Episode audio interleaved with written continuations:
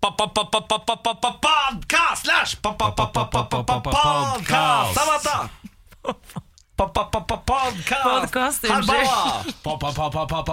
Einstein podcast. Ja, velkommen til podcast. Takk for at du har lastet ned i morgen på Radio 1 Vi eh, har fortsatt den tyske er der. Han nekter faen meg å gå. Ja da, det blir spennende Dere kan høre på mine tiburis og ros. Eh, Dagens podcast inneholder annet mer av eh, Herr Bauer. I tillegg til det så kan du glede deg til quizen selvfølgelig. Ja, har Siri Seljeseth. Ja, ja, ja, ja, ja. Hun fra Unge Lovende. Ja, det blir stas det da Har du lyst til å si noe mer før vi starter podkasten, Lars? Nei, jeg eh, anerkjenner at jeg har blitt nedstemt eh, hva gjelder synging i begynnelsen. Ja. Eh, jeg får til og med nå meldinger på vår Facebook-side der vi er ikke i capslock enig med Lars. Det skal synges. Så jeg må jo bare rope pop, pop, pop, podcast hver gang, jeg. Sånn er det blitt Sånn Det er det jeg som har skrevet det inn Så ja, Ja, jeg synes det er en veldig hyggelig start på en podcast ja. Okay, ja, ja, men jeg bøyer meg Jeg bøyer meg for uh, flertallet. Sånn er det bare. Ta så lytt på podkasten vår, da. Kos deg. Morgen på Radio 1. Hverdager fra sex. TV 2-Arild har mottatt en e-post fra Netflix Som er en eh, Netflix. Sier du Ikke- Netflix? Ja, ikke Netflix. Jeg sier Netflix Ja, Netflix heter det. Nå kan du gå videre, Niklas. Ja, han har mottatt en e-post fra Netflix uh, Som, eller Netflix i Ja. eh, hermetegn Og Han har mottatt på mail fra Net Netflix. Har han kanskje mottatt mail fra Det er riktig Og så har han gått på Og nå går han da altså ut og advarer andre TV 2-Arild om denne Men svindelen er det, har han gått på den? For den, eh, den mailen får jeg ofte jevnlig. Den som er sendt til alle. Ja, liksom. han. Han, han har ikke engang Altså Han mistet ikke noe penger, ingenting Han, bare, han holdt på å gå på Mm. Det er nok da til å lage en sak om at TV 2-Arild advarer mot Netflix Ja, ja, men det er bra. Netflix er kanskje Hva bare riktig? TV 2 Arild som går på Netflix det. er riktig. Netflix Men TV 2-Arild fikk sikkert tilbud om Netflix. Han gikk inn på nettsiden og så sånn Her er det noe rart Og Ja. gikk ut igjen Ja, gjengen, har vi det bra her i dag, Lars? Ja, eh, si det. Jeg hatt, eh, var eh, i et møte i går. Nei, det er Jo du da. Så da har jeg gjort noe på dagtid for første gang i 2018.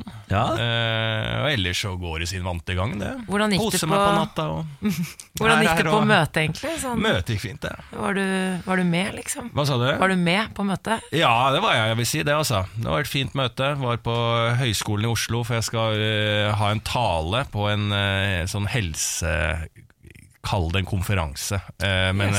eh, der eh, helsestudenter kommer og kan se Hva fremtidige jobber er Ja. Der skal jeg ha en eh, Der skal tale du være, ja Hestegrin og pr prate litt det er ikke så mye, Jeg vet faktisk ikke hva jeg får betalt Men jeg, jeg liker å gjøre helserelaterte jobber Humor på, for helsepersonell Det sier synes jeg det? er artig Det er Ja. gøy Men Det er sikkert perfekt for deg, for du er en sånn blanding. Altså sånn, an, blanding av gjøgler og eh, Du er jo utdannet sykepleier, så Ja. det er sånn, du, du, er jo, du har en fot innenfor begge. Ja, Sikkert helt perfekt. Ja.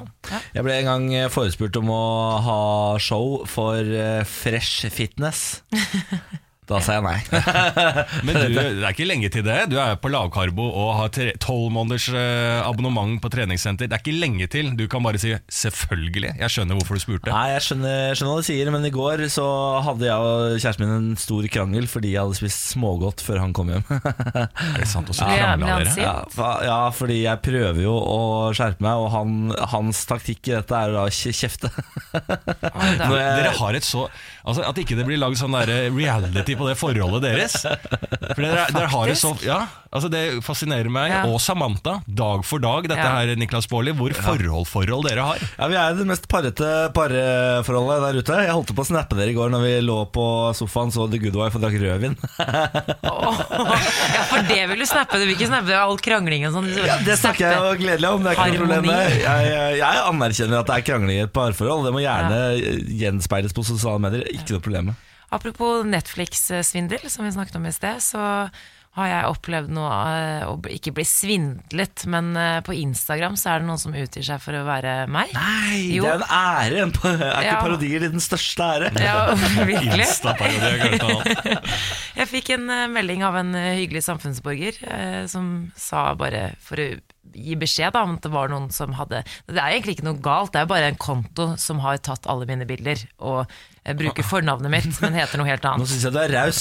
Nå synes jeg du er raus. alle Det er ikke- det er ikke noe gærent, altså. De har bare tatt alle bildene av meg og later som de er meg. Ja, altså Heldigvis ikke mine private bilder, men sånn mine Instagram-bilder. Så det er bare litt sånn, jeg skjønner ikke helt poenget. Jeg har også, dette har jo også skjedd på Tinder før, hvor eh, mine bilder plutselig dukker opp Å, her og der. Så det er litt sånn småkult. men det, det har skjedd før med Instagram. Og da må jeg gi dem en liten hyllest. Nå sendte jeg inn en liten sånn, et lite skjema, uh, hvor man da forklarer problemet og viser til kontoen og sånne ting. Og jeg har gjort det en gang før, og de rydder opp med en gang. Så er den borte nå, da. Nei, den er ikke borte ennå. Jeg sendte den for sånn fem minutter Hva heter kontoen, da? Uh, den heter Samantha, altså et eller annet. Det er en sånn rart etternavn. Altså, det har til og med tatt navnet ditt. Ja, fornavnet, ja. Jøsse Ja. navn. Så det er litt sånn ubehagelig, sånn rart at folk gjør sånn. Ja, hva er, ja, det er alltid det jeg lurer på. Hva er, hva er det, Skal de ha de ut av det her? Eller Ja. hva er det de får ut av det? Hvem er det? Ja, det, nei, det lurer jeg Må også være på. en eh, skiskytterfan. Ja, kanskje det. Russland må være alt. Altså, Slenge dritt overalt. alt rart liksom. som skjer der, eh, det, er, eh, det kan vi legge skylda på noen Ja, russiske er skiskytterfans.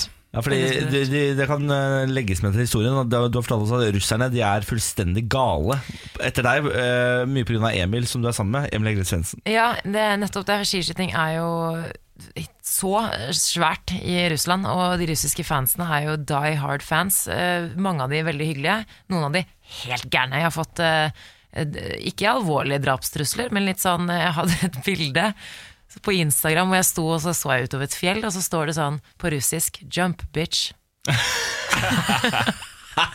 det er helt sånn Hvorfor er de forbanna på deg? Fordi jeg er sammen med Emil. Det her var i begynnelsen, da.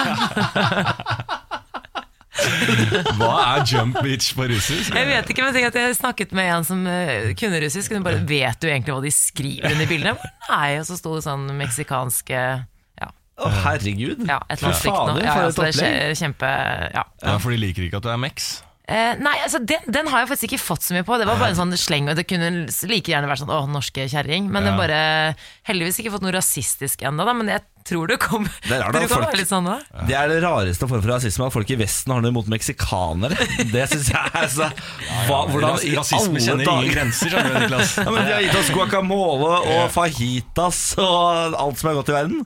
Og så, altså, Jeg gjetter på at Mexico nei, Russland har ikke et kjempestort problem med meksikanere som kommer over grensa ulovlig. Men i dag er de faktisk ganske hyggelige. De har gått fra å være slemme til hyggelige, for nå har de liksom blitt vant til at de er hjemme sammen. Så det er blitt litt akseptert. Ja. Så hyggelig, Hyggelig. da. Morgen på Radio 1. Eh, Jeg fikk aldri oppleve Tinder, jeg. Nei. Fordi jeg har hatt eh, kjæreste hele veien og sånn. Men nå er det faktisk en mulighet til at jeg kan få oppleve Tinder. Er du blitt singel? Eh, Nei, absolutt ikke. Det er noe som heter Jybb, som har kommet, som er Tinder for eh, arbeidssøkende. Ikke sant? Og jeg er jo, det er norsk eh, gründere bak dette her, og det er akkurat som Tinder. Altså jeg legger ut Jeg er jo litt sånn frilans, og, og akkurat nå er jeg her, og så kanskje om et tre år så er jeg et annet sted, og så kanskje jeg skal ha en kveldsjobb, eller legge ut liksom min CV som komiker, da. Kan jeg gjøre nå, og så kan den ligge der ute, så er det allerede 300 bedrifter som er inne på denne greia, så kan jeg legge ut CV-en min, så sitter det folk og sveiper meg interessant eller ikke, og så hvis det er match, så kan vi begynne å chatte. Er det sant? Ja, da kan Yes. de si bare sånn Du, vi trenger en litt sånn artig sykepleier eh, i vår bedrift. Og så sier jeg sånn Ja, nå er jo jeg egentlig bare en og titter. Ikke sant? Og så, sånn har vi det gående. Så jeg kan være en liten flørt da i, Ja, på ja, Jybb. ja, Du kan være lurekruk på Jybb, ja. Ja. Men altså, det er jo LinkedIn eh, bare 2018. funker, ja. Er Tinder-format, da. Ja, ja. Ja. Eh, LinkedIn har jeg hatt profil på en gang. Ja. Angrer veldig, fordi jeg får jo altså så utrolig mye e-poster fra LinkedIn med folk som har lyst til å connecte, står det. Ja. Eh, jeg har, aner ikke ja, Det er sikkert seks år siden jeg lagde profil. Jeg har ikke vært inne siden. Nei, jeg også får en del på LinkedIn. Jeg tror ikke jeg har det engang. Men jeg, det, det, var det, hva var det det het for noe igjen, Lars? Jibb. Kan vi bruke et sekund på å snakke om navnet? Jibb, det var jo litt spesielt, men jeg er veldig glad på dine vegne at du kan oppleve litt spenning eh, Ja, gjennom jeg, det her. ja, fordi at jeg, det er jo litt eh, Grunnen til at jeg snakker litt om dette, her er jo fordi at jeg aldri har fått oppleve Tinder. Så det var bare en sånn Å, kanskje jeg kan få gjort det her nå. Det du, det du savner, uten å skjønne det selv, er jo bekreftelsen av å få en match. Ja, spenninga. Ja, ja, ja. ja, ja, Ja, jeg husker jeg var, eh, da jeg var sikker, så var jeg inne på sukker.no. ja. Fader, så gøy, altså. ja det er gøy. Det er kjempegøy. Gud, altså, det var Altså, jeg hadde bare Jeg trengte ikke hobby lenger. Å sende meldinger og få svar og bare drive og styre der inne. Det er det morsomste jeg noen gang har gjort. Men det er gøy! Ja. Det er kjempegøy. Jeg har litt lyst til å begynne å studere igjen, jeg. Gjør det. Ja, jeg har eh, en eh, bachelor. Jeg har jo studert. Jeg studerte i tre år før jeg begynte å jobbe. Jeg har en bachelor i medievitenskap som jeg tok på Universitetet i Bergen. Er veldig fornøyd med det. Studerte aldri videre fordi jeg fikk meg jobb, og trivdes jo også veldig godt med det. Men jeg har jo alltid hatt et ønske. Eh, Da jeg søkte på studier, så hadde jeg kriminologi på andrevalget mitt, i tilfelle jeg ikke kom inn på medievitenskap. Ja. Eh, Hva kan man jobbe med da? Kriminologi? Nei, altså det er kriminalvitenskap, så det er jo på en måte studie av kriminalitet og straff, da. Men jeg har jo eh, alltid Altså min store passion er jo true crime. Min favorittkanal heter Investigation Discovery. Det handler jo da Det er jo serier om folk som tar livet av hverandre. Eh, eller forsvinner. Og jeg har jo i tillegg sett alt av dokumentarer om seriemordere. Altså på YouTube og Netflix og alt. Jeg har jo sett alt. Det er jo ikke det at jeg liker å leke detektiv, men jeg liker eh, Altså jeg er fascinert av hjernen til en som dreper og eh, psykologien i det. Sånn som blanding av kriminologi og psykologi. Det hadde vært så gøy. Det er litt artig at du sier det. Jeg møtte en øh, venninne i går som skriver bachelor eh, i kriminologi nå. Er det sant? Ja, så det, er litt sånn, det er ikke så ofte du møter Herregud. folk med kriminologi, og så sier du nå, bare noen få timer etterpå Kult! Hun må jeg treffe. Men har dere noen gang tenkt på det? Hva dere ville eh, drevet med hvis dere ikke drev med gjøgling eller radio? Lars? Ja, ja, absolutt. Eh, Jeg eh, hadde, var jo på vei til Polen for å studere medisin en gang i tida. Eh, Så har jeg jo også veldig lyst til å studere historie. Eh, Så jeg har veldig mye. Og så skal jeg jo lære meg bosnisk, og så skal jeg ha mye prosjekter Ja, gående. du har mye- det du ikke- mye på gang, Jeg har mye på gang, ja. Ja. Jeg har ikke lyst til å studere noe som helst. Det verste jeg vet, er skole. Altså, Starte å fullføre videregående, kanskje. ja, det, ja, det har jeg jo heller ikke. Jeg har fullført uh, to år på videregående. Jeg har det siste igjen. Ja. Eh, Etter to år så er det sånn Det siste der, av eh, 13 års skole, det gidder jeg ikke ta. Smart. Ja, det dropper jeg. Men du har jo fått det til ganske greit her i livet, da, Ja da, det er flaks for meg, så er kjeftemanget ganske ålreit. så jeg kan eh, leve av å snakke dritt på radio. Og, men det er også det eneste jeg har. Eh, Så hvis dette går dukken, så er jeg ferdig, altså. Da har jeg, jeg har ikke noe flere Jeg har prøvd meg som hotellresepsjonist. Var den dårligste hotellresepsjonisten dere kan tenke dere. Er det sant? Ja, ja, ja, helt historisk ræva. Eh, Jeg, jeg skjønte aldri det datasystemet som var laget på 80-tallet. Altså, alt var sånn du, du brukte bare pluss- og minustastene på tastaturet. Det var sånn DOS-system. Å, sånn, ja. Så jeg, og jeg, skjøn- jeg klarte aldri å skjønne det i løpet av det halvåret jeg jobba der. Så var alt bare på sånn lykke og fromme. Jeg, når folk kom og sa sånn Kan jeg få kvittering? Så sa jeg nei, det kan du ikke. For jeg aner ikke hvordan jeg skriver kvittering. Et halvt år inn i jobben. eh, På et tidspunkt så klarte jeg å gi en mann en hotellromnøkkel til et rom hvor det bodde en dame fra før. Så han midt på natta låste seg inn på et hotellrom hvor det bodde en dame. Eh, hotellet måtte drive og kompensere hun dama fordi hun var grisevill. Eh, så den jobben ble ikke bra. Var telefonselger. Kjemperæva. Klarte aldri å nå et eneste mål som telefonselger. Du er kanskje ikke den mest serviceinnstilte? Ikke på noen måte, fordi jeg satt på, jeg satt på Helpline på Kanal Digital. Så hvis det var noe gærent med utstyret, så ringte du meg, og så skulle jeg klare å selge deg noe tillegg. Det er en helt umulig oppgave. Ja, det er vanskelig. og så øh, var jeg øh, sånn pumpevakt på en kiosk på sommeren og solgte båtbensin.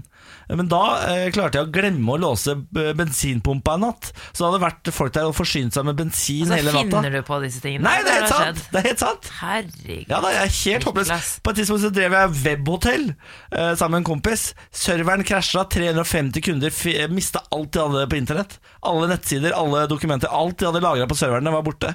Nå ble jeg plutselig nervøs for at det er du som sitter og styrer eh, teknikken her. Det hadde jeg vært også. Hadde jeg vært der. Altså, dette her, fullstendig katastrofe, menneske. Det eneste jeg har i livet, det er radio. Oh. Ja. Det er hyggelig at jeg får lov til å være her med det. Ja, da Foreløpig. Ja, Foreløpig. Ja, Av sympatiske grunner så er du nødt. Jeg tør ikke å slippe deg ut i verden. Det er bra bra.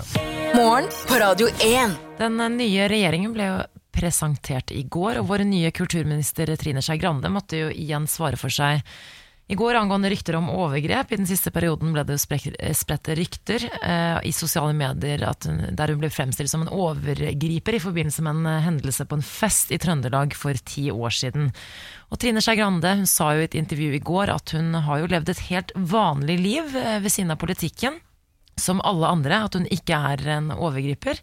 Og hun eh, opplever jo ryktespredningen som eh, selvfølgelig veldig vond, da, og et eh, angrep fra, fra høyresiden, annet, sto det i VG. Men en som har lite å melde, det er det VG eh, kaller Venstres mest ukjente og yngste statsråd, Iselin eh, Nybø, som nå har blitt minister for forskning og høyere utdanning. Hun tror det blir eh, minimalt med skader å melde. Hun sier jo selv at jeg er kanskje den kjedeligste personen i verden. ikke drikke, ikke røyke, Nei, nei. sa hun fra det nye statsrådskontoret i går. Men ja, fordi eh, Trine Skei Grande Hun eh, må jo være eh, veldig eh, Har liksom ting på det rene når hun går ut sånn, da. Ja. Eh, tenker jeg, da, rundt dette opplegget. Men det er litt sånn du trenger ikke å si at du er en vanlig dame fra Trøndelag. Altså Det blir sånn derre Du, ikke prøv deg på den greia. Det er liksom bare vanlig dame fra Trøndelag. Altså bare sånn Ja ja, det er gærninger som har vokst opp helt vanlig i Trøndelag òg.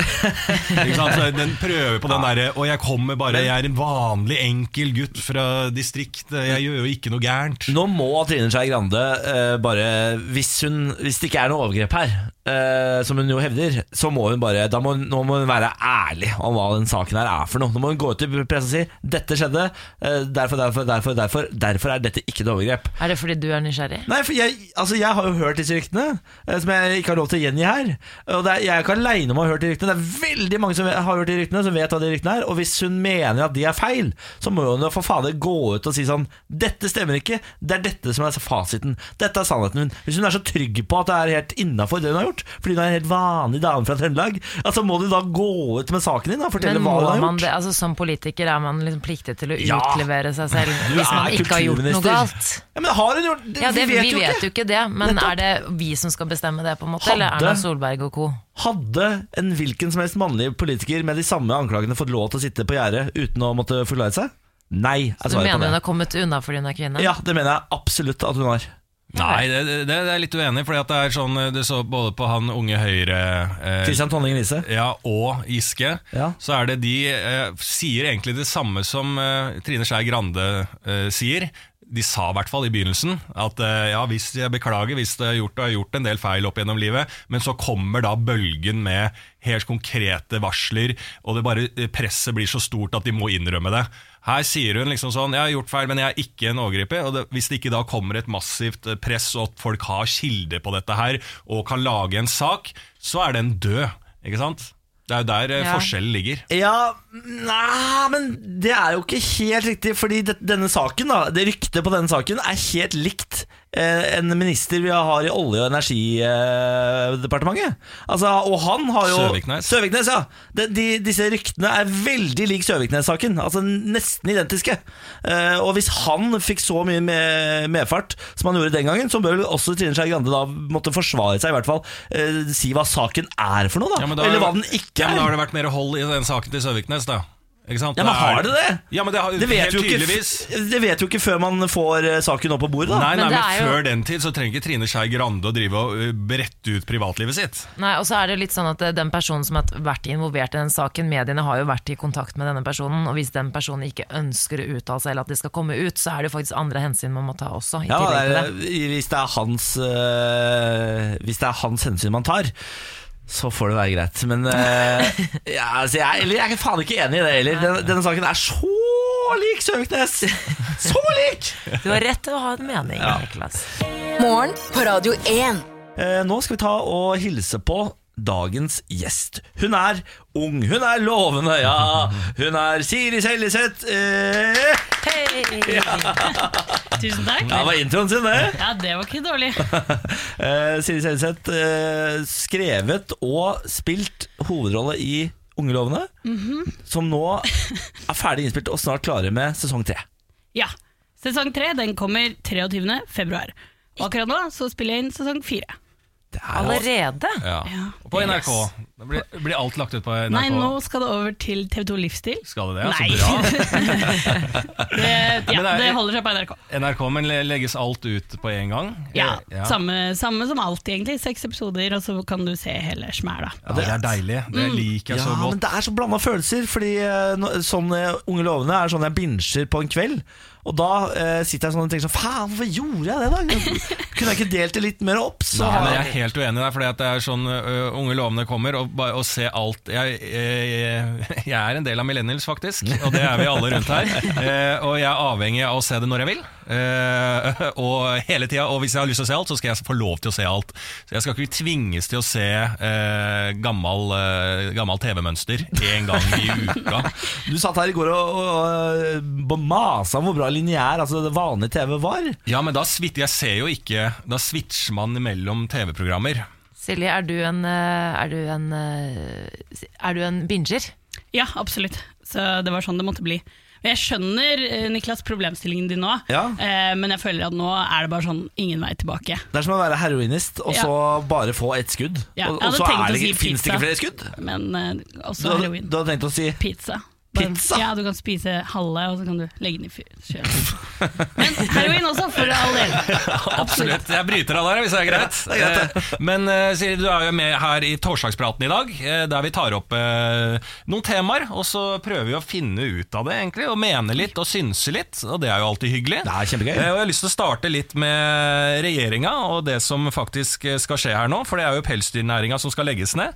Liten oppsummering der. altså Innen 2025 skal all pelsdyrnæring i Norge legges ned. Eh, Det er jo Venstre som har fått igjennom. Og det, dette er jo ting som har blitt forhandla frem på Jeløya. I Moss. Ja, det er riktig. Ja, da.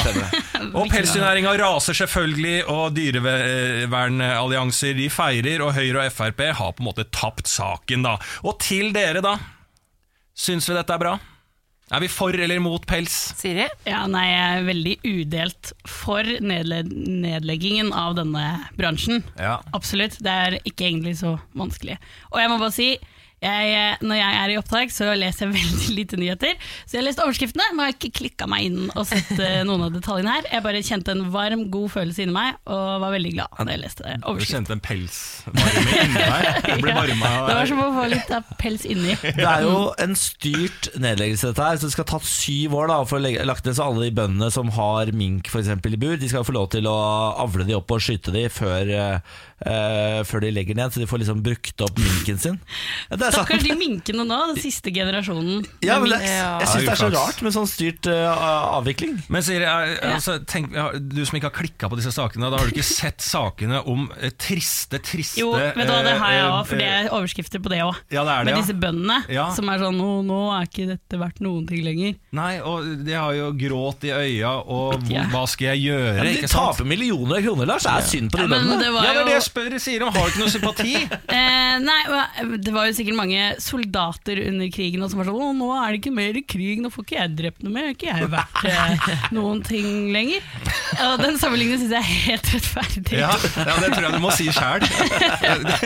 Folk skal ta meg på den Nei, men det er jo sånn tiden bare Vi går jo framover i samfunnet vårt, og da vil noen ting eh, falle ut. Og det er eh, sikkert andre ting det går an å ta seg til. Tenk deg, hvis du eier en minkpels nå Hva, hva slags prisstigning den kommer til å ha de neste syv åra Altså, du sitter på en gullgruve du, nå hvis du sitter hjemme og har minkpels Men det jeg tenker sånn, det har jo vært eh, trendy ganske lenge å eh, ikke altså være mot pels, da, Å gå med falsk, eh, falsk pels, er det det man kaller det? Fuskepels. ja. ja.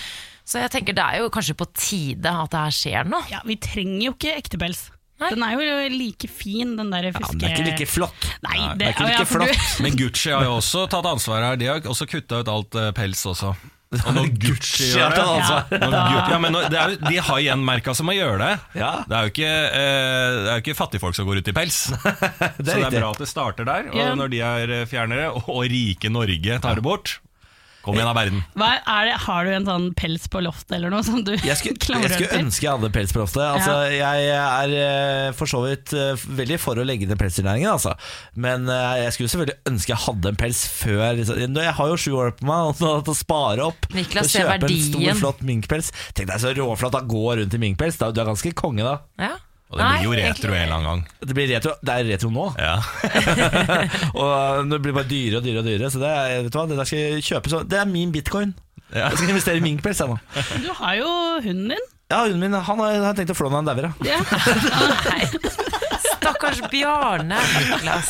Herregud, han har blitt en ganske rå leggevarmer, han da. Nei, uff a meg. Morgen på Radio 1.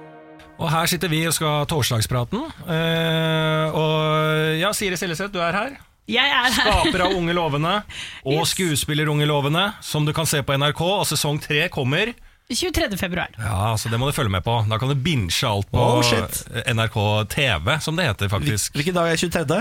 Jeg lurer på om det er en tirsdag? Det er dårlig gjort å lansere så mange timer TV på en tirsdag. Ja, Ja, Du burde kommet på en fredag, så man har hele helgen på å kose seg. det, det noterer jeg. Ta det til til etterretning. Ja. Endre dato. Og I torsdagspraten så skal vi ha følgende tema. Det er psykisk helse blant unge. Er vi klare for det, folkens? Ja. Lett tema der. Det er lett tema. Det skal vi løse. Siri, vi skal løse det her. Ja, er bra. ansvar. Eh, for det er jo en ny rapport som, eh, fra Folkehelseinstituttet der, som viser at 40% flere jenter diagnotiseres med en psykisk sykdom de siste fem åra. Eh, så det er liksom casen, eh, og det er jo en veldig stor økning. da 40% de siste fem åra. Eh, hva som er grunnen til det, kan vi komme litt nærmere til. Men eh, hva slags forhold har vi til psykisk eh, sykdom? Tror vi på det? Niklas Baarli, jeg henvender meg til deg. Ja, Det er gøy at du spør. Jeg, har jo, jeg er jo kjæreste med en psykolog. eh, og jeg anerkjenner at han får betalt for arbeidet sitt, eh, og at folk trenger det. Jeg derimot har feilfri syke. Ja, Du har aldri kjent på noe angst eller noen ting? Da. Ingenting. Nei. Det er fordi jeg mener at jeg er for dum. Ja. Jeg skjønner ikke at man innimellom burde kjenne litt på syke. Nei. Samantha? Ja, de, jeg, jeg kjenner på det å ikke kunne sove. Jeg ser jo også at eh, de tallene her viser at sovemidler også har doblet seg de ti siste årene. Så har eh, respekt for eh, psykiske helse og, pro og problemer der. Ja. ja. Apropos søvn, jeg har ikke sovet eh, en natt i 2018 ennå. eh, Men jeg, jeg, jeg er på topp eh, psykisk, ikke noe tvil. Her går det. Det går så det griner. Siri, du tror på psykisk helse, du? Psykisk sykdom? At jeg tror på det, Ja. som julenissen, liksom. Ja, kanskje Ja. litt annet, da, at det faktisk fins. Ja. Jeg vet ikke hva slags forhold du har til julenissen. Det skal vi ikke gå inn på når vi snakker om psykisk sykdom. Men eh, jeg absolutt eh, har, tror på psykiske lidelser, ja. Ja. At de eksisterer, absolutt. Det har jeg jo både sett og følt på. Ja, og du har jo det også med i uh, Unge lovende, så uh, har du jo portrettering med karakter som sliter psykisk. Ja. Nanna? Er det Nanna? Nenne. Mm, Nenne? Nenne.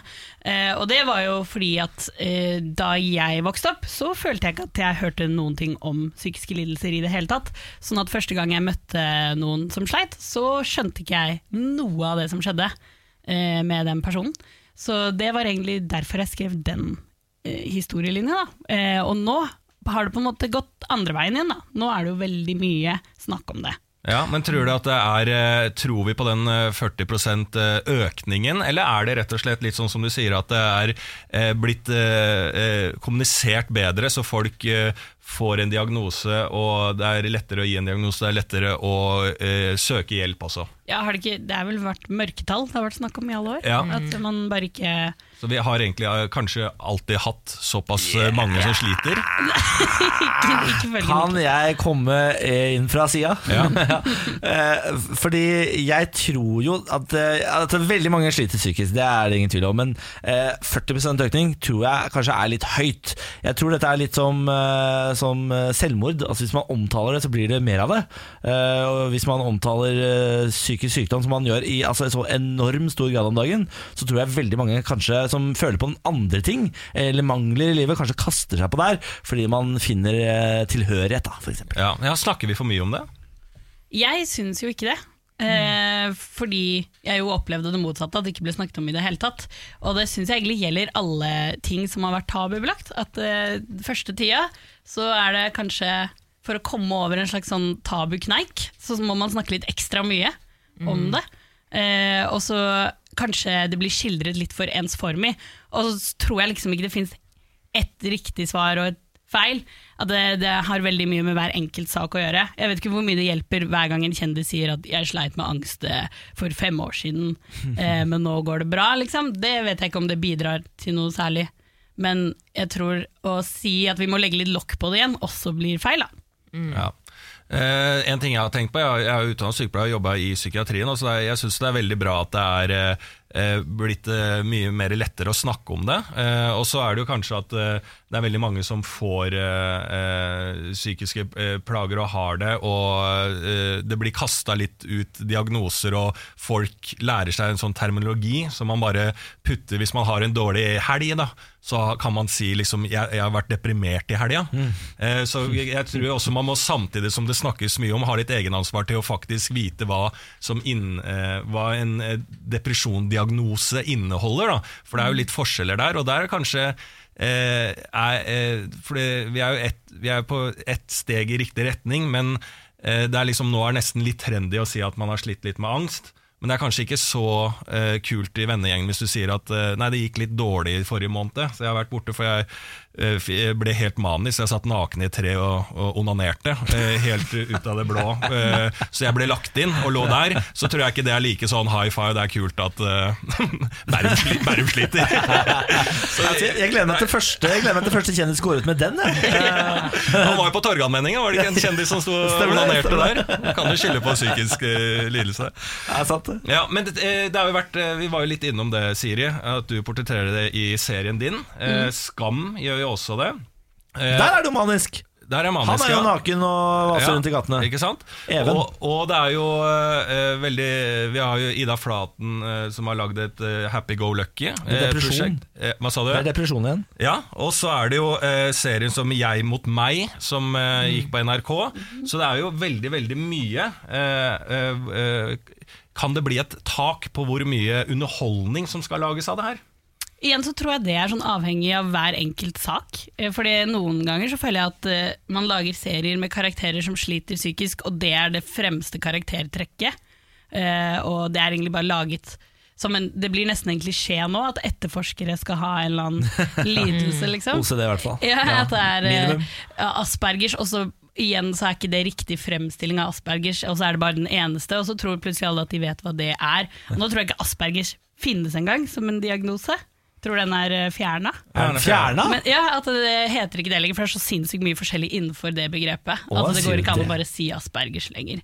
Å ja. De Eh. bytter jo litt, sånn, eh, bytter jo litt diagnoser og sånn, ofte i psykiatrien der. ja. Ja, jeg synes i hvert fall det er, det er et voldsomt ansvar da, når du skal uh, snakke om det. At du gjør ordentlig research og du eh, vet hva du snakker om når du lager det. Ikke bare lager noe som er artig, for da klikker det litt for den personen, og så blir det en spennende karakter. På en måte. Ja, jeg syns det eh, er en fin eh, tone å gå ut på. Vi lar det bli siste ord. Siri Seljeseth. Eh, lykke til med premiere. Å, tusen takk. En gang til når den kommer. 23. februar. Ja, Da ligger den på NRK. Da kan binge alt sammen på en gang. Eh, tusen takk for besøket. Det var veldig hyggelig å være her. Morgen på Radio 1. Og nå skal vi snakke om Venstres mest ukjente og yngste statsråd, Iselin Nybø, 36 år gammel. Eh, hun tror at det blir minimalt skandaler eh, eh, som er beretta mot henne. Eh, hun kaller seg selv for verdens mest traurige menneske. Ikke drikker jeg og ikke røyker jeg, sier hun. Og det er en spennende dame, da, som Ja, vi har fått inn på ting her nå. Ja, hun er minister for forskning og høyere utdanning, stemmer Ja, ikke det? det stemmer. Så hun videre i et intervju som jeg hang meg litt opp, til, opp i, for jeg reagerte jo litt når hun ikke røyker eller drikker. Ja. Skal vi virkelig i Norge ha folk på tinget som ikke røyker eller drikker? Ja. Utenom KrF, da, selvfølgelig.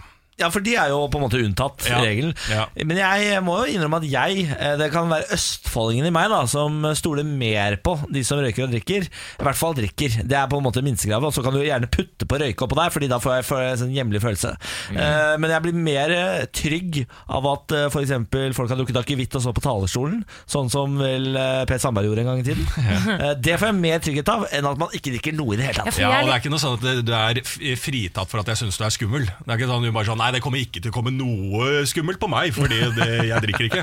Jeg er litt sånn motsatt. Jeg synes jeg har hørt så mye Det har vært mye snakk om eh, fyllefester og fanteri og politikere. De er jo vanlige mennesker, de òg, har vi hørt. Eh, Jeg syns det er litt forfriskende jeg, med en som kan bare ha litt fatning. Okay. Litt sånn Men da skal ja. jeg ta deg videre i den saken, for hun, uh, sier jo da, hun blir jo da uh, forsknings- og høyere utdanningsminister. Ja. Og hun sier jo at uansett hva spørsmålet er, så er svaret kunnskap. Det er på en måte taglinen hennes. Og den eh, tenkte jeg litt på den setningen der. Uansett hva spørsmålet er, så er svaret kunnskap. Og da kommer jeg sånn umiddelbart på tre spørsmål hvor det er irriterende å få kunnskap som svar. Ja. Eh, nummer én, hvor mye er klokka?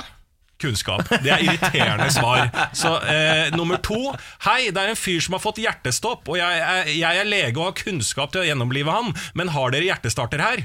Kunnskap er da kjedelig svar å få. Tre. Unnskyld, vet du hvor nærmeste minibank er? Kunnskap er da et kjedelig svar. Men jeg skal ikke være så hard mot henne. Jeg skal også si at det er, eh, jeg har jo også funnet frem tre spørsmål hvor kunnskap er et fint svar. Ja. Eh, nummer én. Hva er viktigst for deg å oppnå når du studerer? Kunnskap. Ja, Bra svar. ja, er nummer to. Skal du kjøpe skap og bokhylle? Kunnskap. Da er det veldig bra. Eh, nummer tre. Hva gjør deg så god i Fifa? Kunnskap. Så det går an Ja, å er det, løse sånn, da er det. kult, da er det sånn respekt, bare sånn ett ord. Absolutt. Ja, ja, Veldig bra. Lars. Ja. Veldig bra. Rekordbeslag av øl i 2017. Aldri har det vært tatt så mye smuglerøl på Svinesund som i 2017. 282 637 liter smuglerøl. Eh, Så mye beslag la tollerne på Svinesund i fjor. Det er eh, nesten 50 000 eh, flere liter enn året før. Og smuglerne har nå tatt i bruk et nytt grep for å lure tollerne, for dette er jo ikke en nyhet at eh, folk smugler ting. Før så kom jo smuglerne i kolonner med privatbiler, eh, for å på en måte litt sånn inkognito. Mens en ny metode nå blant trailersjåfører er å eh, kjøre på rødt, står det her. Legge inn et langt toalettstopp og kjøre videre. Å ja, late som man har fortolla. Ja, ikke sant? Eh, og det er jo Kjø- Ja, nå, nå, eh, nå så jeg for meg noe helt annet. Altså, ja. Du kjører på rødt når det er trafikklys, og så legger hun et langt toalettbesøk, og så er det home free. Da tenkte jeg, hvordan er det det fungerer? Nei, kjører på rødt, ja, inn på to- tollstasjonen. Det er jo ganske mange trailere. Jeg tror det er snakk om eh, 12, ja, nesten 1300 trailere passerer jo tollstasjonen på Svinesund hver dag. Det, jeg, det jeg reagerer mest på i den saken her Jeg synes de, de er jo smarte da som har funnet denne løsningen med toalettstopp og sånn, men det, det jeg lurer på er eh, hvor idioter er de som velger å smugle øl når de først skal smugle? Det er hvis de tjener ganske bra på det. På øl? Og så er det kanskje ikke så hardt å bli tatt. Jeg tror det. Er det Ja, hvis du fyller en trailer med kokain da, eller heroin, så er jo Du tjener jo fort mer, da. Ja, da, da, har du, da er du home free for resten av livet. Ja, da. det er det jeg mener. Altså, skulle jeg smugla, og jeg hadde fått en sånn uh, smuglertype som kom, ja. altså, sånn eh, Du kan velge. Du kan velge kan men- polsk? Nei, østeuropeer. Ja. Balkan. Ja. Du kan velge. Ikke sant? Så sier han at du kan velge heroin, og så i summen da så hadde jeg gått for en container full av heroin og tatt sjansen på det. Én tur, home free resten av livet, enn flere sånne ølrunder. Helt enig. Mm. Og da hadde det vært din første dom, og sånn så de hadde vært snille med deg i retten. Og du kan jo være hun bestemora som ikke jeg, jeg ble lurt inn i dette her og greier. Så fått Ja, ja, ja. sympati, Ja. lav straff, ut igjen. Hadde ikke noe problem. Jeg hadde gjort akkurat det samme, Lars. Eh, hvis du sitter nå og har masse bitcoin og tenker sånn I made it, så eh, kan jeg nå lese på E24 at du bør selge alt.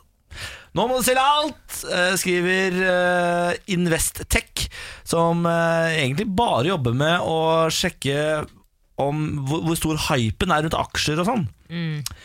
Investec beregner optimismeindekser, såkalte hauseindekser, for å måle bredden i markedet. For kryptomarkedet, inkludert bitcoin, så lå den langsiktige hauseindeksen mandag på 99,3 poeng. Men du Niklas, bitcoin er en eh, digital, Digital valuta. sant? Ja, uh, Som alle har investert i og egentlig tjent ganske bra på. Det har, altså, det har vært et eventyr. Det har vært eh, fullstendig jappetid. Altså, den har bare skutt i været. Den har gått fra 0 til 3000 på Eller nei, til 20 000 dollar på liksom 0, niks. Og de som investerte tidlig, de har gjort seg steinrike. Men nå er denne, det som skjer når det er sånn hype, da, og alle kjøper noe som egentlig ikke er noe, det er bare luft, dette her, så vil jo noen sant, plutselig trekke ut proppen i bunn og begynne å selge. Kursen stuper, og de som sitter igjen med bitcoinene sine da, har tapt penger. Ja. Så det gjelder da å selge før eh, bobla sprekker, hvis det er en boble. Det veldig mange bitcoin-folk tror og tenker og mener, er at dette ikke er en boble. Ifølge Investec tar de feil. Kan jeg spørre da, hvis man skal prøve å selge før eh, bobla sprekker, er det sånn at, men er det, eh, får man solgt det da, hvis det på en måte er på vei til å bli upopulært? Det er penger, altså, så du får alltid solgt det. Ja, ok. Ja, ja, Det er ikke noe problem. Du er bare selg unna, selg unna. Det er fortsatt verdt masse penger. Det, ikke, det har ikke sprukket helt enda. okay. Det er riktignok halvert. eh, Det lå på 20 000 dollar for én bitcoin. Nå ligger det på 11 000. Så det er på en måte halvert, da. Eh, Men allikevel kan du gjøre gode penger hvis du kommer inn tidlig. Kom du inn seint, så er du mer eller er mindre sånn, fucked, da. Kom deg ut. Ja, og I 2018 så skal jeg ta mer sjanser i livet. Så Ja. nå skal jeg til helga eh, kjøre en eh, trailer med heroin over grensa. Alle de pengene skal jeg kjøre rett inn på bitcoin. Nei. Morgen på Radio 1. Lars Bærums morgenkviss. Ja, da er det på tide med morgenquizen, og reglene de er som følger. Tre spørsmål blir stilt til deg, Niklas Baarli, og deg, Samantha Skogran. Dere er et quizlag om å svare samla. De, eh, alle svarene på spørsmålene får vi helt til slutt. Har dere et quizlagnavn? Det har vi. Nei. Det har vi. Eh, dagens quizlagnavn er Our couch pulls out, but we don't. En gang til. Null quiz-sammenheng, Our eller? couch pulls out, but we don't. Men Ja. det, det er, skjønner det jeg sånn, ikke. jo, det er sånn lagånd, sånn vi gir oss ikke, eller? Ja. Ja. Ok, Jeg er med på den. Likte Den er Tar, med på. tar du den ikke? Nei, jeg tar den ikke. tar den ikke. Jeg, to, jeg Our sa jo det, pulls out with we don't. We don't pull out. Det er så gøy at du ikke tar den. Er det sexspøk? Ja. ok, nei, da er jeg ikke med på den. Trekker du tilbake? Da er det ikke ikke hvis det er, hvis det er sexspøk heller, så skjønner jeg ikke det. Hæ, jo, Jo. pull out, trekke ut. Our couch pull, altså en pull-out couch. Altså Ja. en, Sovesofa. Vår, vår Men- sofa men kan man det- trekke ut. ja. Vi trekker oss ikke ut. Hvorfor ikke det? Du må jo trekke deg, så de bare blir inni der i livs og går eh, Da blir du gravid, da. Ikke sant? Altså, du spruter, i, spruter inni sløfsa. Ok, det er det. Ja. Takk Eh, for den jeg- nydelige beskrivelsen, for du måtte gå dit. Æsj. Ja, det, og dette her sier du ja til, Samantha. Jeg sa nei da jeg Herregud. skjønte det. Jesus. Jeg tok den i hvert fall før deg. Nå har Wow. Jeg går i gang med quizen, jeg. Gjør Det er det. helt forferdelig, Samantha, at du støtter Niklas Baarli på de greiene her. Jeg snudde i saken. Jeg vil ikke ha det. Jeg Ja, dere har ikke det. quizlagnavn? Jo, vi har det. Nei, det, det tapte du når du skulle komme med den beskrivelsen. Ja, men du tok den jo faen ikke! Jeg måtte hjelpe Nei, men Det deg. går an å beskrive det på en annen måte å bruke ordet slufsa og sånn. Hvem er det som bruker slufsa i 2018? Det er et hyggelig ord, det. Du da har fått minus ett poeng i starten av quizen her nå. Niklas. Er dere klare for spørsmål én, Ja. folkens? Ja. Spørsmål nummer én. Hva er verdens mest solgte bilmerke?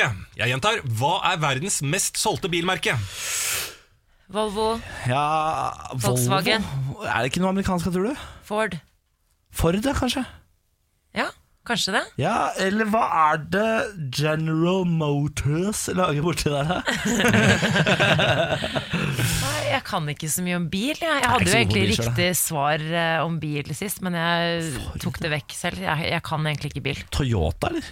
Det er i altså, kanskje det, ja. Asia, ikke sant? Ja. Oh, ja, Asia. Vi tar, vi tar Toyota. ja, Toyota. Og det er, Toyota Pris er også veldig populært i USA. Nei, vi vi sier eh, Toyota, vi. Toyota? Ja. Endelig svar avgitt? Ja. Ja. Er, Our couch pulls out, but we don't, svarer Nei. Toyota. Nei, det har ikke noe quizlagnavn. Ikke i det hele tatt. Niklas Baarli og Samantha Skogran, dere svarer i Toyota. Spørsmål nummer to.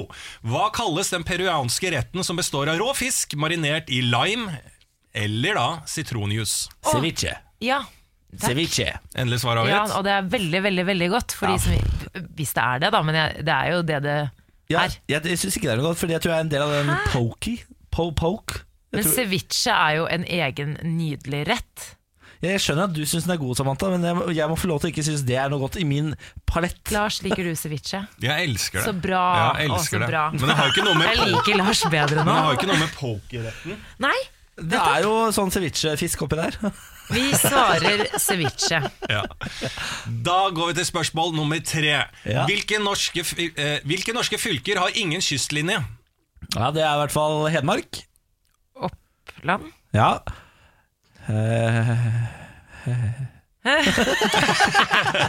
Ja, den, ja. tele, Telemark Nei, de har. Telemark har.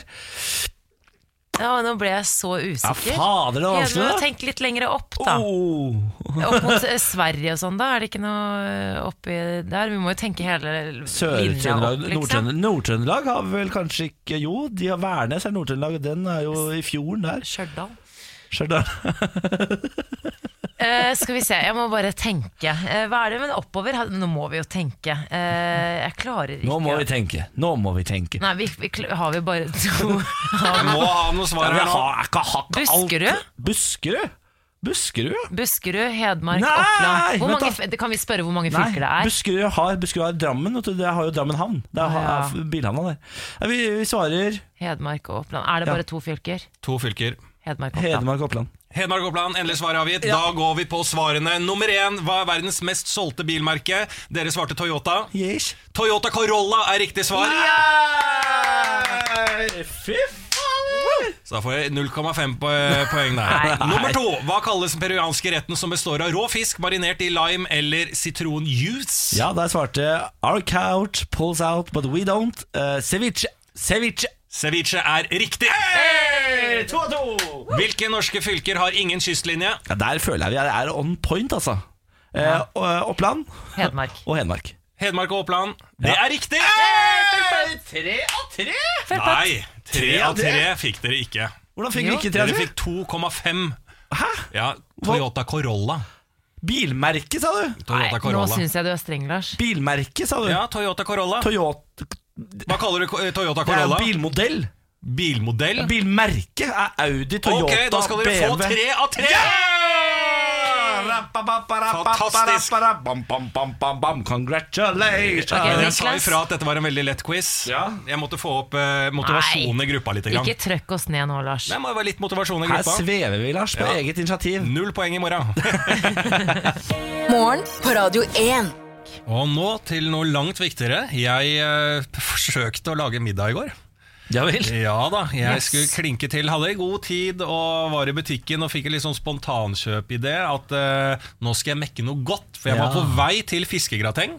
Ja, det er godt, liksom, da. ja, det er liksom den Ja, det er eh, eh, Var hjemme alene i går, da er det fiskegrateng, og det koser jeg meg så mye med. Ja. Eh, men så tenkte jeg liksom sånn, nei, du må jo eh, få opp et lite repertoar hva gjelder middag. Ja. Så jeg tenkte ok, nå lager jeg noe godt. Var sulten når jeg begynte å skulle handle. Er ikke god på å lage mat, og da ryker jo det selvfølgelig. Så jeg gikk, først, jeg gikk først og kjøpte mm, som ferdiggrilla kylling. Eh, Så tenkte jeg her må jeg lage noe ut eh, salat og sånn. Kjøpte salatting, og så potetsalat. Så kjøpte jeg sopp og noe sweet chilisaus og sånn. Gikk hjem, stekte allerede grilla kyllingen. Hvorfor? Aner ikke. Eh, Men jeg tenkte at jeg skulle marinere den med sweet chilisaus og sopp oppi.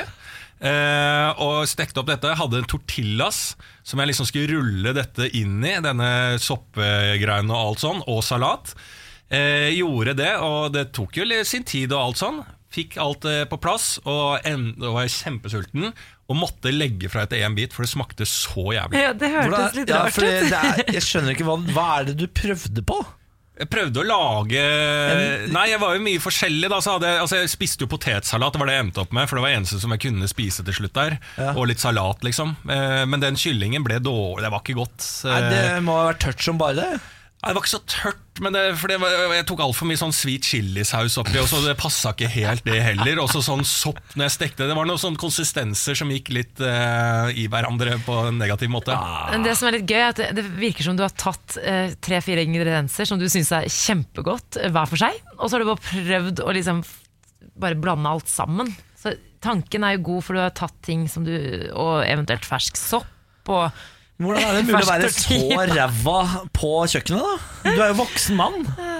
Ja, ja, hvordan det er mulig. Ja, altså, Altså, Har du aldri bare- lagd middag, liksom? Nei, jeg, jeg, men det er veldig god på sånne enkle ting. Jeg har vokst opp på enkle middager. Sånn Spagetti og karrisaus liksom, og tunfisk. Og fiskepinner. Spagetti og karrisaus? Ja, og fiskepinner og litt sånn forskjellig, da.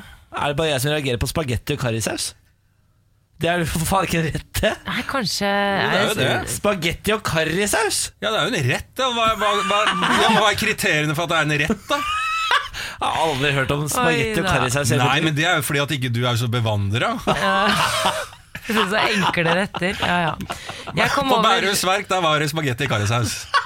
Alle hadde det, hele blokka hadde det. Ja, kan tenke meg. Ja, ja, Hver onsdag lukta karrisaus. Altså, så jeg bare sånn, Nå skal alle ha spagetti og karrisaus med tunfisk. Det høres godt ut. Ja. Jeg kom over en eh, TV 2-serie i går som heter Den nakne sannhet. eh, Reality-program der eh, kjærester, samboere osv. møtes til ærlige samtaler. Og i forkant av samtalen så går jo da eh, deltakerne gjennom en løgndetektortest. Gjennomført av en som heter Vidar Hansen. Han er tidligere politietterforsker og eh, spesialist på kroppsspråk. Vi kan jo høre en liten snutt fra serien her. Den ene gangen vi hadde sex, hvordan syns du det var? Ikke så veldig bra. Parene som kommer til meg, er kjærester, ekskjærester eller mennesker i helt nye forhold. Så se på grafen så gir den betydelige utslag. Det betyr at du ikke forteller hele sannheten. Ja, og eh, ganske intenst. Jeg tenkte først at jeg, visste, jeg skjønte egentlig ikke helt hva konseptet var først, men dette er helt reelt. Eh, Kjærestepar de møtes, og så må de sitte og bli stilt spørsmål av eh, partneren og eh, svare ja eller nei, og få det rett i fleisen rett og slett på om du lyver eller ikke. Hvem er det i, sitt, i sin rette forstand som melder seg på et, det reality-programmet? Ja, for det er akkurat det. Det er både Det er ikke bare kjærester og samboere, det er jo eks. ekskjærester også. Hvorfor i alle dager vil du møte ekskjæresten din med løgndetektor? Men Folk er jeg, gærne, altså. Folk er keen på å komme på TV. Ja, men herregud, da. Hadde dere turt å ta testen, Lars? Ja, jeg hadde, Sammen ja, med kjæresten din? Ja, faktisk. Øh, med kjæresten min nå, så kunne jeg fint gjort det, men jeg hadde jo ikke gjort det. Nei, fordi- altså, hva, hva, ja, unnskyld språket, men hva faen skal jeg inn på en TV-skjerm og stille private spørsmål med kjæresten min? Hvem er det som stiller opp på det her? Ja. Niklas? Jeg, jeg, har jeg, jeg kunne gjort det fordi jeg ikke hadde hatt så mye å skjule. Jeg er ganske sånn vi er ganske ærlige i forholdet, eh, både på feil og mangler på et vis. Men igjen eh, for, det første så vil jeg jo tro at det hadde ødelagt forholdet, fordi jeg hadde da fått alle de spørsmålene som jeg vet at han har gått og grubla på, men ikke turt å spørre. Bare der hadde det blitt et problem. problem. Og så hadde jo mine svar sikkert opprørt han innimellom. For et helvete. Ja. Modig, da. Ja, nei, jeg, hadde, jeg, jeg tror bare ikke det, det kanskje hjelper på en måte på noen Nei, ting. Jeg har jo tatt løgndetektortest. Har Det gikk gikk det? heldigvis veldig ja, på Firestjerners middag en gang. Gikk heldigvis veldig greit, for jeg fikk noen pikante spørsmål der som jeg eh, klarte å lure meg unna. Ble du stressa når du ble kobla? Det, det som er at Jeg synes det var så fascinerende, Fordi det går jo ikke Jeg hadde så høy puls, og jeg hadde jeg svetta og fælt, men det går ikke bare på det. Det går jo på andre ting, så jeg, jeg trodde jeg skulle feile, men det gikk veldig bra. Jøss, så bra. Eh, la oss snakke litt om Joe and the Juice. Joe and the Juice. Har dere vært og kjøpt juice på Joe and the Juice? Ja, Ja. ja, ja. Ja, ja, ja, ja. ja, ja. Men vi skal ikke det lenger, da. Jo da, vi skal det. Skal vi det Eh, igjen, Joe and the Juice De eh, skal selge juice for 1,3 milliarder kroner de, i løpet av 2018. Juice og kaffebaren nærmer seg 300 utsalgssteder i løpet av året. Verden over, altså. De er altså enorme. De viser at de er egentlig danske. Ja, Ja, stemmer det. Starta i København i 2002. 16 år senere så er det altså oppe i 230 kafeer i 15 land. Yes. Skriver den danske avisen Børsen. Gikk riktignok med 5 millioner underskudd i fjor, men de har jo etablert seg i nye markeder. eh, USA og Sør-Korea og sånn, så det er forventa med underskudd. Det jeg syns er rart i denne saken, er hvordan klarer de å finne nok 18 år gamle gutter med capsen bak fram eh, med svart T-skjorte til å jobbe der. Men de har fått kritikk for det. Altså Alle er helt like. Jo, men de har fått kritikk for det at det er bare sånn utseendemessig eh, kjekke gutter, og at det ikke de tar inn eh, jenter der, og at de er veldig sånn eh, ute etter en type folk. Det har de fått kritikk for. Ja. Ja, og eh, en annen ting også som jeg har lest, er at eh, Jonah Juice blir sett på som nye Starbucks.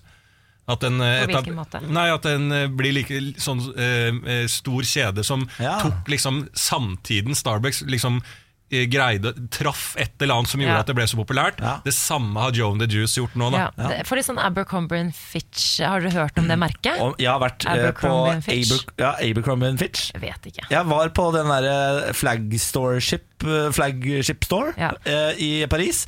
Der har du ikke på seg klær, de som jobber der. Nei, det er en klesbutikk Ja. hvor det er eh, mest da, unge, mannlige, nakne Veldig godt trente menn som står og selger deg klær. Jeg har Jeg blir brydd, jeg. Har du ikke det? Nei.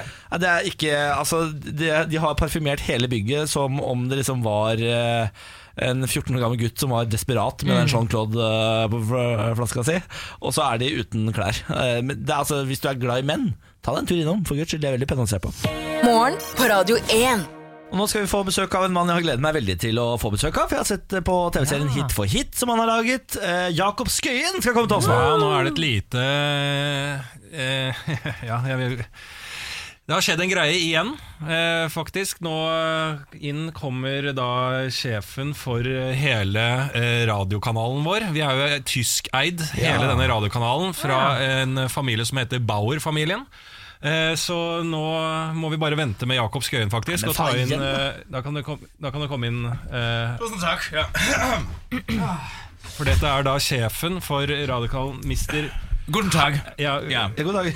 her, Du forstår norsk og kan snakke litt norsk? Ja, jeg kan ikke keine, äh, jo litt grann norsk ge, äh, understand. Ja. ja, ja. Verste, ja. Forstår. Äh, ja, eller noe sånt. Ja. ja, ja. ikke, ja um, Det er herr Bauer. Selv om den skravlekassen din. Ja, Ja, jeg beklager det, men uh, vi hadde egentlig en gjest her. Men herr ja han får Bauer, heller vente. Ja, ja. det. sjefen Kommer da. det skit for skit, det vil jeg helst bare glemme. Ja.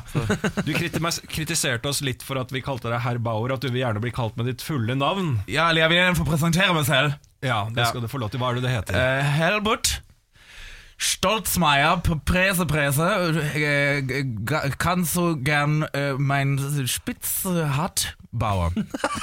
Ok, Er det mulig for oss å bare kalle det herr Bauer?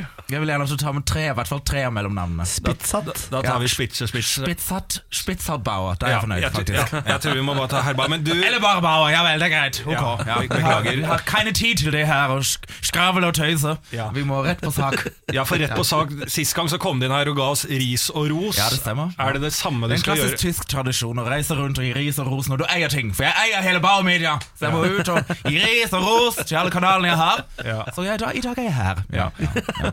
Vil du begynne med ros eller eh, ris eller I dag vil jeg faktisk begynne med ros. Ja, det vil jeg faktisk. Nei, gjøre. Ja. For dere har faktisk tatt til eh, Dere har faktisk tatt tilbakemeldingene Mine, uh, uh, tilbake, eh, ja, mine meldinger, tilbakemeldinger fra sist. Det har dere altså faktisk. Det har dere. Eh, eh, og, det, og det som er ganske sinnssykt da, er at dere på en eller annen merkelig måte har klart å bli enda verre!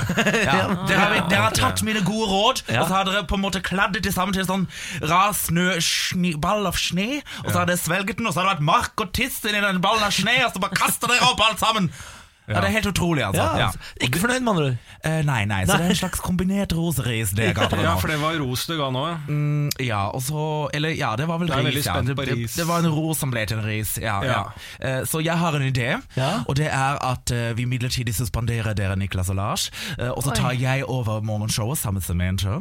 eh, og så kan vi to ha en litt sånn uke hvor vi bare skravler som to gamle venninner og bare koser oss. Mens dere to drar på sånn ro- eh, rundfunkcamp i Deu- eh, Deutschland. Eh, hva for ja. noe camp? En rundfunk, altså radiocamp. Ja. ja, det er sånn, eh, en sånn camp hvor dere liksom jobber hardt og står på, og så lærer dere typiske d- d- deutsche ja, radio-rundfunk-regler. Ja. Om hvordan man skal være på en radio på et morgenshow. Og på et bra morgenshow, for jeg begynner å bli ordentlig lei. Og jeg eier dette sted. Ja. Så kan jeg også Samantha, og så kanskje vi kan ha gjester, for eksempel eh, Emil Hegle Svendsen, for eksempel. Å ja, min eh, samboer? Din samboer, for Ja, eksempel. ja, Å, ok. ja, han er jo din samboer, det stemmer. Ja, det stemmer. Ja. For du er veldig glad i Emil Hegle Svendsen, skiskytteren. Du er interessert i det? Jeg skal ikke stikke under stol at jeg er ganske fan av Emil Hegle Svendsen. Ja, jeg syns han, han har oppnådd ganske bra ting. I motsetning, For å si det sånn, du er ikke akkurat radioens Emil Hegle, Lars. For å si det sånn. Nei, jeg skjønner Og du, eh, Niklas, du Ja. er ikke akkurat radioens Svendsen. Si okay, men han er Emil Hegle Svendsen i radio. Nei, ikke i radio, men i Jeg skjønner, men ja, jeg skjønner hvor du vil hen, og at du skal lage med Emil Hegle Svendsen. Du får gjøre hva du vil, du er sjef, men, men la oss jeg, jeg, Hvem kan få fullt hus? Vi kan ha masse leker sammen, du og jeg og Emil! Mens dere er på radiocamp! Ja, men la oss i hvert fall få lov til å fullføre en måned med det nye programmet før du sender oss på bootcamp, for nå må jeg egentlig vi må videre i sendinga nå, så det er veldig hyggelig at du stikker innom. Og så må jeg egentlig si at nå må, må du forlate studio, altså. Mm, det er ikke sånn man snakker til en sjef, men det er greit. Det passer meg perfekt, for jeg skal uansett videre. Jeg har et fly jeg må rekke. Jeg skal til Tåsen.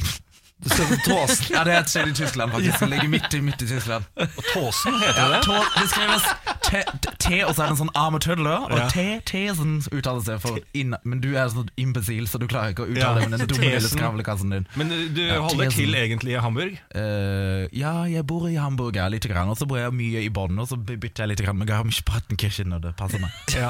Ja, det er et, mm, ja, hyggelig at du kom innom, eh, herr Bauer. Og- klokken er mye, jeg må fly. Jeg har et helikopter som står på taket her. Ja. Ja. Fyr opp helikopteret! Ja. Ja. Måltid! ja, Farvel, eh, herr Bauer. Ja. Vi tar eh, Sara Larsson, vi. Tenk litt på den radiocampen, da. Morgen på Radio 1. Spøkelsesskip skyller i land i Japan, dere. Ja, jeg leste om det der. uh, uh, uhyggelig sak. Ja, og det kommer, eh, det kommer, et skip inn nå med åtte døde personer inn, eh, og helt sånn ubemanna som bare drifter i land i Japan. Det tyder da på at det er nordkoreanske skip, altså fisketråler, som eh, blir rett og slett Grunnen til at dette her skjer, er at de blitt, det er dårlig utstyr på fiskerne i Nord-Korea, og de blir liksom tvunget til å dra lengre og lengre ut for å få tak i eh, så mye fisk som mulig. Eh, og så skjer det noe gærent med båten, og så har de ikke sånn eh, ringe... Walkietalkie. Walkietalkie. Dårlig med walkietalkier i Nord-Korea. Eh, Så da ender de og, å forliser ute, uti der uten at de synker, men da drifter inn i, i Japan. Og Japan og Nord-Korea har jo ikke den beste kontakten sånn eh, eh, Er ikke de perlevenner, da? Ikke personlig, eller heller sånn eh, kyst-til-kyst-vakt har de heller dårlig eh, tjeneste. Men eh, japanerne tar likevel vare på Nord-Korea når de kommer i land. Eh, men de fleste vil faktisk tilbake, bli sendt tilbake til Nord-Korea. Å ja, sier du det? Ja. Hvorfor det? Nei, det er jo De har jo sannsynligvis bra der, da. Ja, eller de, tro, de tror de har det bra der, kanskje? Ja. Altså, De vet ikke bedre? Nei, Men jeg alltid fascineres av når det kommer liksom sånn skip som bare drifter inn, Ja. som er egentlig forferdelig. Da, for det er jo mennesker der som er eh, også døde, mange. Ja. Men en piratvirksomhet Man får sånn eh, ja, Jeg vil ikke sammenligne med Pirates of the Caribbean, men det er sånn der er det, Jo, men jeg får litt sånne tendenser. Jeg ser for meg noen skumle liksom Og havet Nei, det er skummelt. Ja, det er, det, det, de skipene ser ordentlig liksom gufne ut, for de har jo bilder av de der spøkelsesskipene som plutselig dukker opp. Og det, er- altså, det ser jo ut som de har vært gjennom en del, de skipene der. Ja, og jeg mener at Havet er fortsatt det som er litt sånn udefinerbart og skummelt. Jeg føler litt sånn Google-bilen og alt sånn. Vi, er alt, vi kan overvåke alt, unntatt havet. Når det liksom ligger Ja. en, en ubåt rett utafor Stockholm, og de ikke greier å finne den. Altså, skjønner hva jeg mener? At Ja. Det går ikke an å finne ting i havet. Jeg ja. skjønner at ikke teknologien har kommet lenger der, og at du har bare et skip som bare forsvinner i havet og kommer seilende inn. Hvor, hvor, ingen som har sett det skipet før, da? Det er som det flyet som styrta i havet, som man fortsatt ikke har funnet. Det der svære passasjerflyet Ja. som man fader ikke har Slutt å funnet. ta Air opp med er det det? flynyheter. Det er så Var det Air. France? Nei, var, eh, var det det? Jeg er ikke sikker. Nei, jeg vet da faen. Uenighet har ødelagt for Northugs OL-sjanser. Det mener NRKs ekspert Torgeir Bjørn. Han sier at landslagsledelsen og Northug-leiren må, må dele skylda for at det ikke blir OL på Trønderen nå, mest sannsynlig.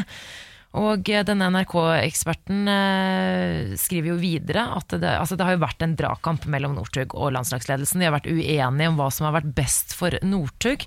Eh, får kritikk for at eh, Northug ikke fikk gå Tour de Ski som han selv eh, ville, men har også heller da ikke prestert på de rennene han har fått gå.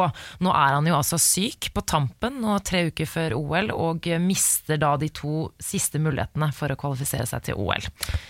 Så han, det blir ikke noe OL. Nei, det eh, landslagsledelsen sier jo nå at han Northug kan bli tatt ut, altså på skjønn, ikke basert på resultater, men basert på, på måte, erfaring og at han er Petter Ja. Northug. Eh, mens Northug-leiren sier jo at eh, det skipet har seilt. Han drakk den ned som en reserve, sa treneren. Er det sant? Ja, ja, ja, men- Men fader heller, altså, han er jo Dette har vi snakket om før, men uh, Petter Northug har jo en attitude som uh, kun en vinner kan ha. Uh, nå som han er eh, taper eh, og, og i, i dårlig form og sånn, så må han eh, Nå må han lempe på attituden sin, og det må land, eller, laget rundt han også gjøre. Og hvis han får en billett til OL, så mener jeg det er hans fordømte plikt å stikke nedover. Ja. Ja, men det, det kan jo være at han gjør det, vi vet jo ikke. Men jeg skjønner jo, man mister jo kanskje motivasjonen etter hvert når man ikke får eh, gjøre det opplegget man selv har lyst til. Nei, men faen, faen, Han har jo sjøl valgt å gå ut av landslaget og ha privatlandslag. Ja, men da gikk det jo, det gikk jo bra til i begynnelsen. Nå går det jo ikke så veldig bra. ikke Nå er det jo kanskje ikke så Han gikk ut på en høyde, ikke sant? og så er, det- så er Coop Det er kanskje ikke så bra med Coop-ski uh, i flere år på rad. Coop-ski. Eh, nå blir det kaldt, dere. Uh, det har jo altså ikke vært mer snø på Østlandet siden 2010. Det er mest, størst mengde snø her nå på åtte år. Har dere benyttet dere av snøen ennå? Du har kanskje gått litt på ski, Samantha? Du, jeg har ikke gått på ski. Jeg har ikke det, men jeg du, du, er, du liker å gå på ski, du? Jeg liker å stå på ski, jeg elsker å stå på slalåm, men jeg, langrenn det begynte jeg med da jeg ble sammen med en eh, skiskytter. Ja, nettopp. Lars, ski? Nei, jeg har ikke gjort det siden jeg eh, falt rundt på barneskolen. Eh, men jeg har kjøpt ski, da. Men jeg kjøpte jo faen meg smøring. Da, jeg, Ja, du kjøpte smøreski, ja, det stemmer det. Kan jo ikke smøre, så jeg kommer ikke til å gå på ski. Lars var på butikken og skulle kjøpe seg nye ski. Ble overtatt overtalt av mannen i butikken Ja. til å kjøpe deg smøreski istedenfor Ja, smørefrie. Ja, noen Fordi ivrig XXL-selger. Han må kjøre, kjøre, kjøre smøring. Vet du. Å, det er kult, dette er litt det er hobby, det òg. Det er litt gøy, det å vite hvilken smøring. Og sånn. Så bare ja, ja, jeg blir med på det. Dreit meg ut. nå øh, kan det hende at øh, det blir enkelt for deg å smøre, Fordi nå kommer det, blir det drita kaldt. Sibirkulen kommer til Norge. Eh, jeg personlig er jo en fyr som hater vinter. Uh, Fins ingenting som er verre enn vinter. Men øh, kulde det kan jeg takle så lenge det ikke er snø. Nå får jeg dobbelt opp med motbør. Jeg får både masse snø, det har ikke vært mer snø i Oslo siden 2010, og det skal komme sibirkulde. Så nå kan jeg advare dere, som jeg jobber med hver eneste dag, nå kommer jeg til å gå inn i en vinterdepresjon. Ja. Eh, Så når jeg kommer på jobb nå, så kommer jeg til å henge med hodet. Og da er det deres jobb å få meg opp, for jeg nekter å gå på lykkepiller. Så da, da har jeg informert om dette, gitt denne informasjonen til dere. Jeg så at det var meldt minus 23 grader neste tirsdag. Skyt meg i trynet I med en Oslo. avsagd hagle og strø salt i såret. Det orker jeg ikke. Niklas, vi skal passe på 23 deg. minus. Å, fytte helvete. Uff. Morgen på Radio 1. Vi har jo en sportsidiot i denne konstellasjonen, og det er verken meg eller Lars. Eh, Det er et sportsidiot, Lars, det er du ikke. Nei. Du er bare sport, men ikke idiot. Jeg er bare idiot. Ja. Sportsidioten er Samantha, derfor har hun fått sin egen spalte som heter Samantas OL-ring. Ja, det er kun 21 dager, 6 timer og 42 minutter til OL braker løs den 9. februar skjer det. Og hva vet vi egentlig om Pyeongchang, annet enn at det ligger i Sør-Korea? ingenting. Nettopp. Pyeongchang er et fylke i provinsen Gangwon. I Sør-Korea ligger en to eh, timers biltur unna fra Seoul. Fylket ligger i Tabak-fjellene med høyder på eh, mellom 800 til 1000 meter over havet. Havet, noe som gjør byen til et veldig godt vintersportssted. Det sies at det er svært kaldt blant fjellene i Sør-Korea. Det er andre gangen Sør-Korea arrangerer OL etter å ha arrangert sommer-OL i Seoul i 1988. Og det er den minste byen til å ha et OL siden eh, vårt eget Lillehammer-OL i Åh, 94. Så har jeg altså da samlet noen eh, detaljer og fun facts om Sør-Korea og befolkningen der. Det kan være fint å vite om du der ute skal ta turen for å heie på våre norske utøvere. Eh, hvis ikke, så er det bare fun facts. Jeg har lagt klar den her til eh, deg hvis du syns det er gøy. Hvis du vil ha den, så må du bare si ifra. Hvis, hvis det passer til en av fem Ja, dine. ja jeg, jeg skal gi en, jeg si, liten finger. Ja, gjør det. Gi en liten finger. Du kan gjette hvilken. Ja, Eh, liten julefinger. Fakta om koreanere. De drikker mye. Det er også lov å eh, drikke offentlig der, så det passer jo veldig fint. Søtpotet. De elsker søtpotet i Sør-Korea, så kanskje får du det servert der. Ja, Sørkoreanere de jobber veldig mye, men de elsker eh, shopping så mye at butikkene er åpne fra fire på natta Nei. til klokka 23 på kvelden. Er det sant? Ja, det er helt fy sant. Fader. Og de er i utgangspunktet ikke sportsinteresserte, men de blir helt ko-ko når det er OL. Nei. Ja, så det passer jo også veldig fint. Ja. Er du født i Sør-Korea, så er du automatisk ett år gammel. Altså De er alltid ett år eldre enn de vi i Vesten er. Jeg vet ikke hvorfor de regner med det, men de bare gjør det. Det er jo så, så lurt. Det Ja. burde vi begynne med her også. Å bare bli født et år. Det er mye lettere å forholde seg til. Bare rett på, liksom. Ja, ja, ja. Hvor gammel er du? Ett år. Et år. Noe... Hvorfor er det lettere å forholde seg til? Nei, Det er et godt spørsmål. Veldig entusiasme på det. Jeg synes det hørtes bare vanskelig ut. Ja. Sørkoreanere de er eh, veldig overtroiske. For eksempel skriver man noens navn i rød skrift. Betyr det at en person er på vei til å dø? Hæ? eller er død. Oi. Så ikke bruk rød penn hvis du skal til Sør-Korea. Eh, De er også overtroiske på andre ting, som f.eks. å sove med en vifte på under natta. Det betyr ulykke. Det er ikke kjempevarmt der om sommeren. da Det må være utrolig slitsomt å ikke få lov til å ha på vifte. Ja, Men eh, det er i hvert fall uansett, det betyr jo ulykke. De tror også at det kan eh, føre til død hvis du bruker tallet Altså tallet fire betyr ulykke. Så du Så- hopper over fire, da. Ja, men du bare bruker det ikke så mye. Så det er sånn, ja. Til de utøverne som eh, skal til OL, ikke bli nummer fire. For Ja. det betyr eh, ikke Og aldri bli 40 år. Jeg har også hørt at de syns det, er uflaks øh, hvis nordområdene har atomvåpen. Ja, Det er også uflaks. Ja, det er, flaks at- overtro der nede, det var sikkert. Men det som er fint, er at Sør- og Nord-Korea de skal delta under samme flagg under åpningsseremonien, så kanskje de blir venner. Under samme flagg? Ja, ja, Jøsses, det er raust. Ja, Smiling Roof, har dere hørt om det? Nei. Nei. Alle tak i Sør-Korea er, er bøyd oppover for å line et smil. Er ikke det ganske hyggelig?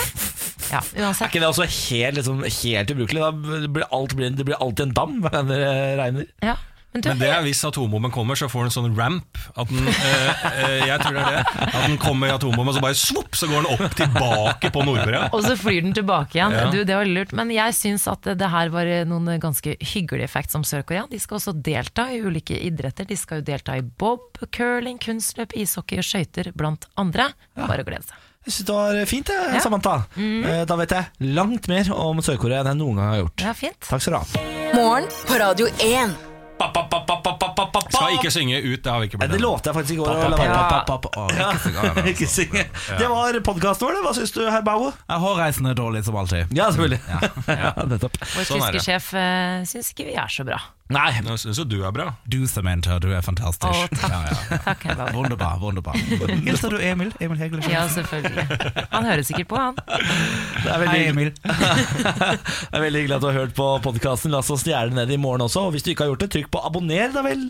Så får du oss rett i feeden din hele tiden. Det er jo deilig, da. Rett i feeden, ikke sant, uten å gjøre noe. Det er deilig, Lars. Det er deilig. Det er, det er helt der oppe der. Åh, kose seg.